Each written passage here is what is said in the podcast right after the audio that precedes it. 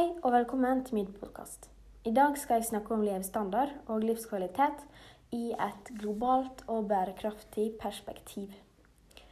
Norge er jo et veldig rikt land der innbyggerne har veldig høy levestandard. Forskning viser òg at vi jevnt over opplever god livskvalitet. Men norsk, norsk økonomi har i stor grad vært basert på olja. I dag ser vi en større diskusjon rundt bærekraft og bærekraftig utnyttelse av ressursene våre. Noen mener at eh, det er lite bærekraftig både for oss og for etterkommerne våre å vokse opp i en økonomi som er basert på miljøfiendtlig oljeutvinning, og som er avhengig av å vokse seg større og større for hvert år. Andre mener det motsatte, at økonomisk vekst er avgjørende for at vi i vårt samfunn skal ha økonomiske evner til å takle utfordringene i framtida og at olja spiller en viktig rolle for det. Men hva er egentlig sammenhengen mellom levestandard, livskvalitet og bærekraftig utvikling? Levestandard brukes som et samlebegrep for alt som har betydning for en persons trivsel, eller vanligvis begrenser vi oss til å se på et noe smalere levestandardbegrep der vi bare tar hensyn til tilgangen på økonomiske goder. Levestandarden vil da stort sett være bestemt av forbruk på varer og tjenester, men det er vanlig å regne med hva vi må gjøre for å kunne oppnå et sånt forbruk.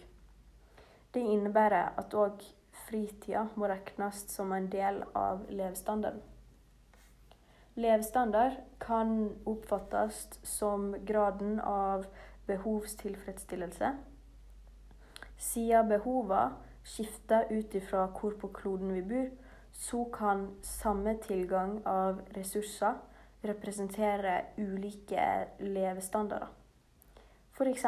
kreves det mye høyere brenselforbruk for å oppnå en bestemt levestandard når vi bor i et kaldt klima, enn noen som bor i et mye varmere klima, som kanskje ikke trenger brensel i det hele tatt. Livskvalitet bruker vi vanligvis om forhold som tilfredshet med tilværelsen, godt forhold til den næreste, trivsel og god funksjon i arbeidet, glede i fritida og tilgangen på legehjelp og psykisk hjelp. Livskvaliteten påvirkes òg av en rekke ulike ting som gener og personlighet, mestringsressurser, sosial støtte, positive og negative livshendelser, tilknytningsforhold, kultur og objektive faktorer som samfunnsforhold og økonomi. Eh, livskvaliteten kan måles på grunnlag av intervju eller spørreskjema, og Eh, det er spørreskjema som brukes mest, fordi det er minst ressurskrevende og lettest å administrere. Bærekraftig utvikling er en samfunnsutvikling som stiller opp til dagens konsumbehov uten å ødelegge for mulighetene for kommende generasjoner til å få dekka sine behov. Denne definisjonen, eller begrepet om du vil, har vært allment brukt siden 1980-tallet.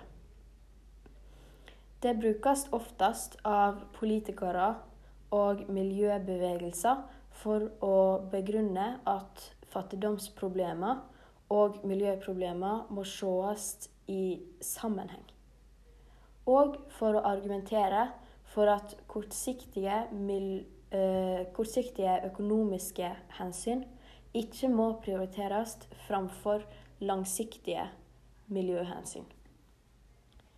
Internasjonalt er synet på hva som er bærekraftig utvikling, delt. Noen, særlig i land med fattigdom og lav levestandard, mener at økonomisk vekst og utvikling er nødvendig for å heve levestandarden. Andre mener at miljøet på jorda ikke tåler at alle som bor her, får like høy levestandard som folk i Nord-Europa og USA. Forurensning vil føre til temperaturøkning, som igjen ødelegger livskvaliteten for hele jordas befolkning. Spørsmåla vi står igjen med, er må vi som bor i Europa og Norden og andre redusere våre krav til en god levestandard for å få til bærekraftige samfunn? Og skal vi satse på god livskvalitet framfor høy levestandard? Det var alt jeg hadde for i dag. Takk for at du hørte på. Ha det bra!